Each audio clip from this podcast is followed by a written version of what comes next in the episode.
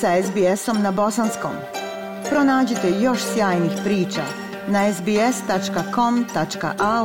kosacrta bosnijan.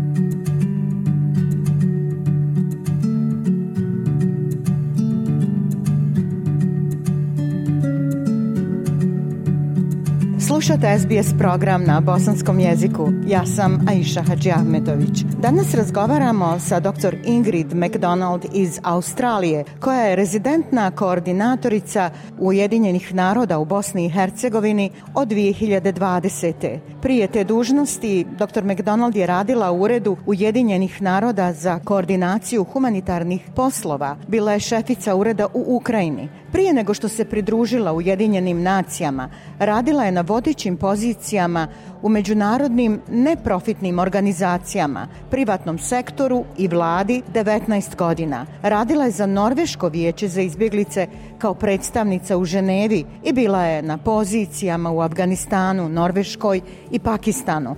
Također je radila sa Oxfamom u Australiji, Sudanu i širom Azijsko-Pacifičkog regiona. Dr. McDonald je autorica knjige Humanitarna akcija i borba protiv terorizma u muslimanskom svijetu. Centar za istraživanje društvene jednakosti na Univerzitetu RMIT, profesori Liza Given i profesor Haris Halilović organizovali su prošle sedmice javno predavanje dr. Ingrid McDonald Ujedinjene nacije u doba globalne nesigurnosti. I tim povodom upriličili smo ovaj razgovor. Dr. McDonald, jako se radujem i velika mi je čast da vas ugostim u radio programu SBS Bosnian. Dr. McDonald, I'm very happy and honored to host you on the SBS Bosnian radio program. Welcome. Thank you so much. It's an absolute pleasure to be here and um, hello to all of your listeners. Hvala vam lijepo. Apsolutno mi je zadovoljstvo biti ovdje i pozdrav svim vašim slušaocima.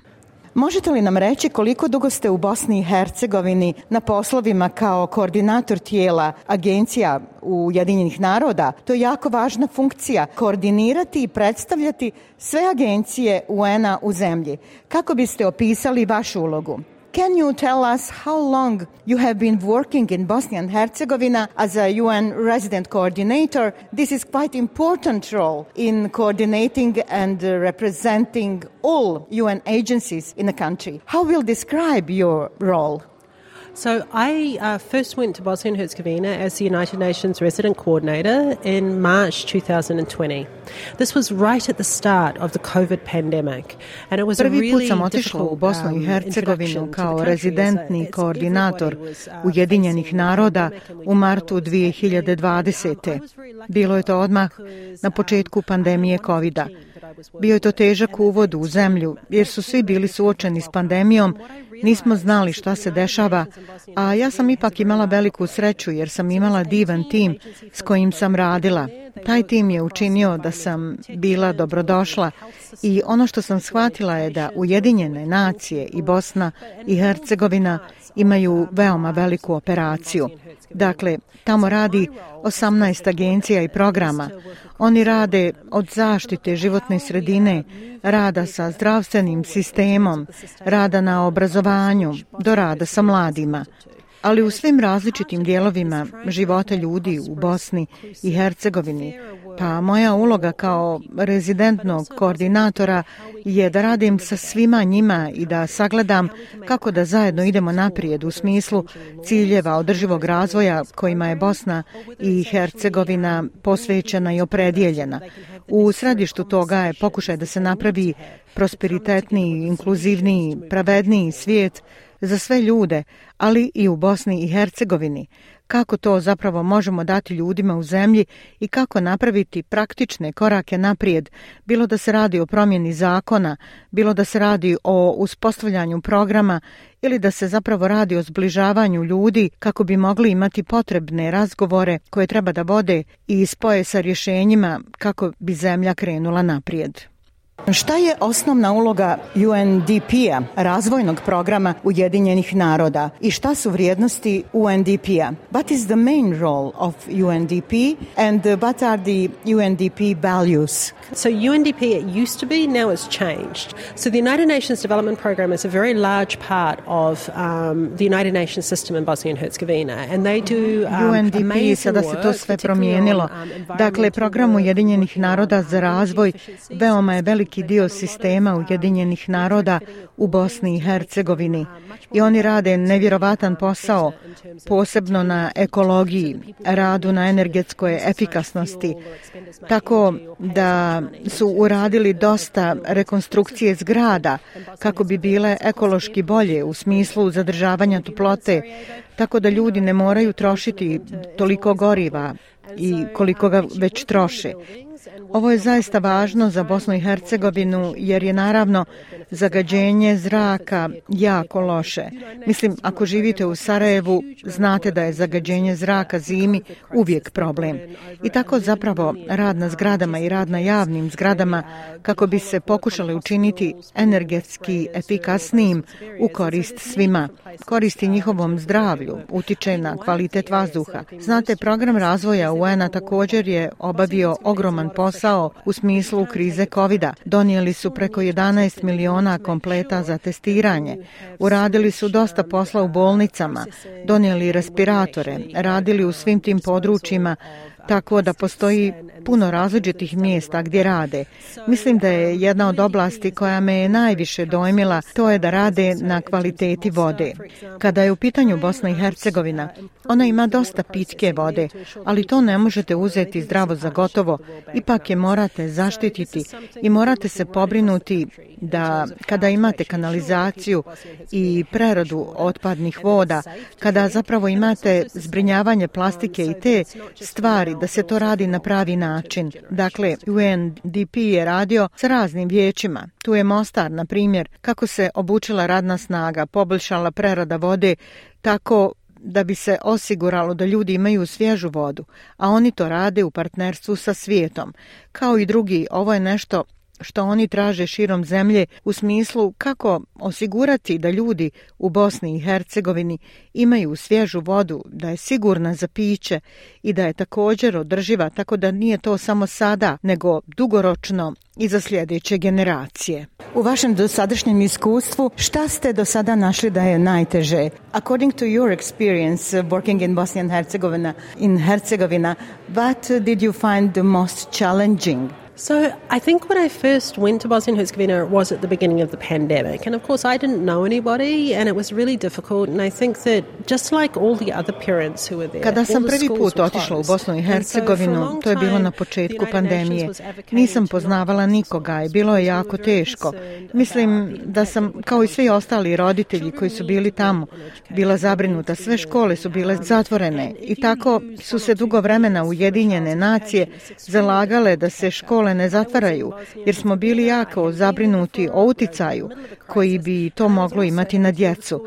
Djeca moraju biti u obrazovanju, oni moraju učiti, a ako izgubite jednu ili dvije godine, od školovanja djeteta, to je izuzetno teško nadoknaditi. Dakle, bila sam u Bosni i Hercegovini, bila sam usred krize, a ja sam u isto vrijeme morala i školovati svoje dijete i nisam poznavala nikoga. Dakle, postojale su teškoće, ali mislim na toliko drugih, toliko drugih majki je to isto osjećalo. Iskreno, bila je privilegija za mene. Mislim da nema puno zemalja na svijetu u kojima možete imati priliku da za vikend odete u planine i uživate u ljepotama.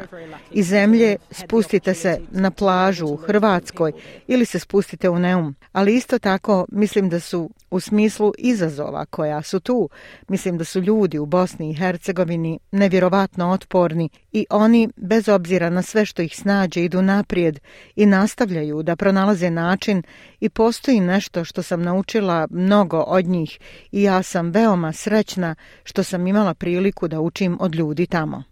Šta smatrate vašim najvećim uspjehom u dosadašnjem radu u Bosni i Hercegovini? What do you consider to be your greatest success in your work so far in Bosnia and Herzegovina? I think one of the things that we've worked very hard as the United Nations to do is um, come together and really look at where we can have the biggest impact. So Mislim da je jedna od stvari na kojoj smo naporno radili kao Ujedinjeni narodi da se okupimo i zaista pogledamo gdje možemo imati najveći uticaj. Dakle, umjesto da se samo fokusirate na male projekte gdje izlazite i radite, mali posao u školi u koju idete i radite, mali posao na nekom turističkom projektu, zaista gledamo kako možemo prikupiti naše resurse zajedno i fokusirati se na to da ih koristimo kao katalizator za veće promjene. Mislim da je to nešto na čemu smo dosta radili, na primjer na ženskim pravima. Uloga žena u Bosni i Hercegovini treba da ima puno više pažnje i puno više posla treba raditi u ovoj oblasti. Bosna i Hercegovina ima najmanji broj žena u radnoj snazi u cijeloj Evropi. Ima jako lošu statistiku kada je u pitanju nasilje nad ženama a pošto znamo da smo vidjeli kod ovih nedavnih femicida da postoji pravi problem u smislu ubijanja žena od strane njihovih partnera ili bivših partnera i to je nešto što mnoge ljude jako brine, ali ono što smo uradili jeste da smo puno radili na sigurnim kućama. U cijeloj Bosni i Hercegovini postoji osam sigurnih kuća.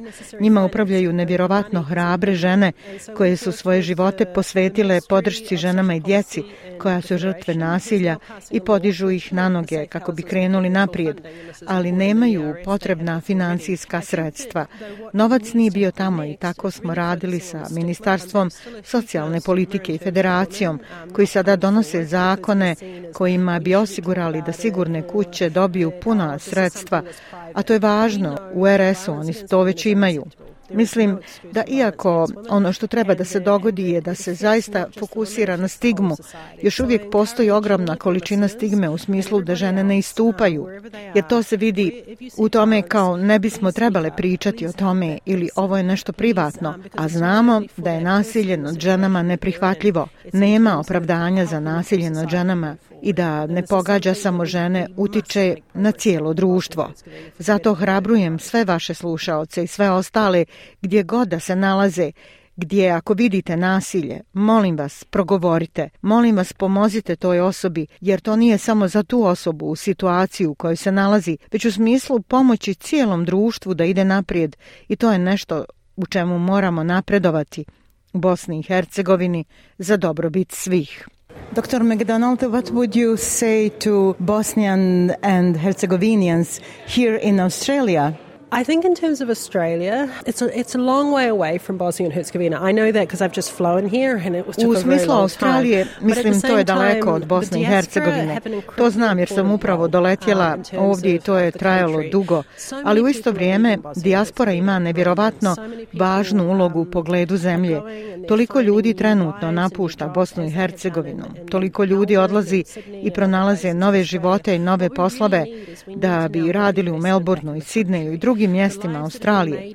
Ono što nam je zaista potrebno je da sada moramo vratiti ulaganje u zemlju. Životi koji su stvoreni ovdje u smislu ljudi u Australiji. Razmislite o tome šta još možete učiniti da uzvratite Bosni i Hercegovini, jer tamo ima sjajnih mladih ljudi koji traže priliku. I šta se onda može učiniti sa privatnim sektorom? Može li se učiniti više u smislu ulaganja u inovacije i u smislu industrije? u smislu mogućnosti da ljudi ne osjećaju da moraju otići kako bi osjetili da mogu ostati tamo i mogu napravite održiv život tamo. To je nešto na šta dijaspora može imati ogroman uticaj. Hvala vam, dr. McDonald, na ovom razgovoru na izdvojenom vremenu i ovoj lijepoj poruci. Želim vam puno uspjeha u daljem radu. Thank you, dr. McDonald, for your, this conversation and for your time. I wish you much success in your future work. Thank you so much. It's been an absolute privilege and thank you. I really appreciate it, Vala. like, share, comment. Pratite SBS Bosnian na Facebooku.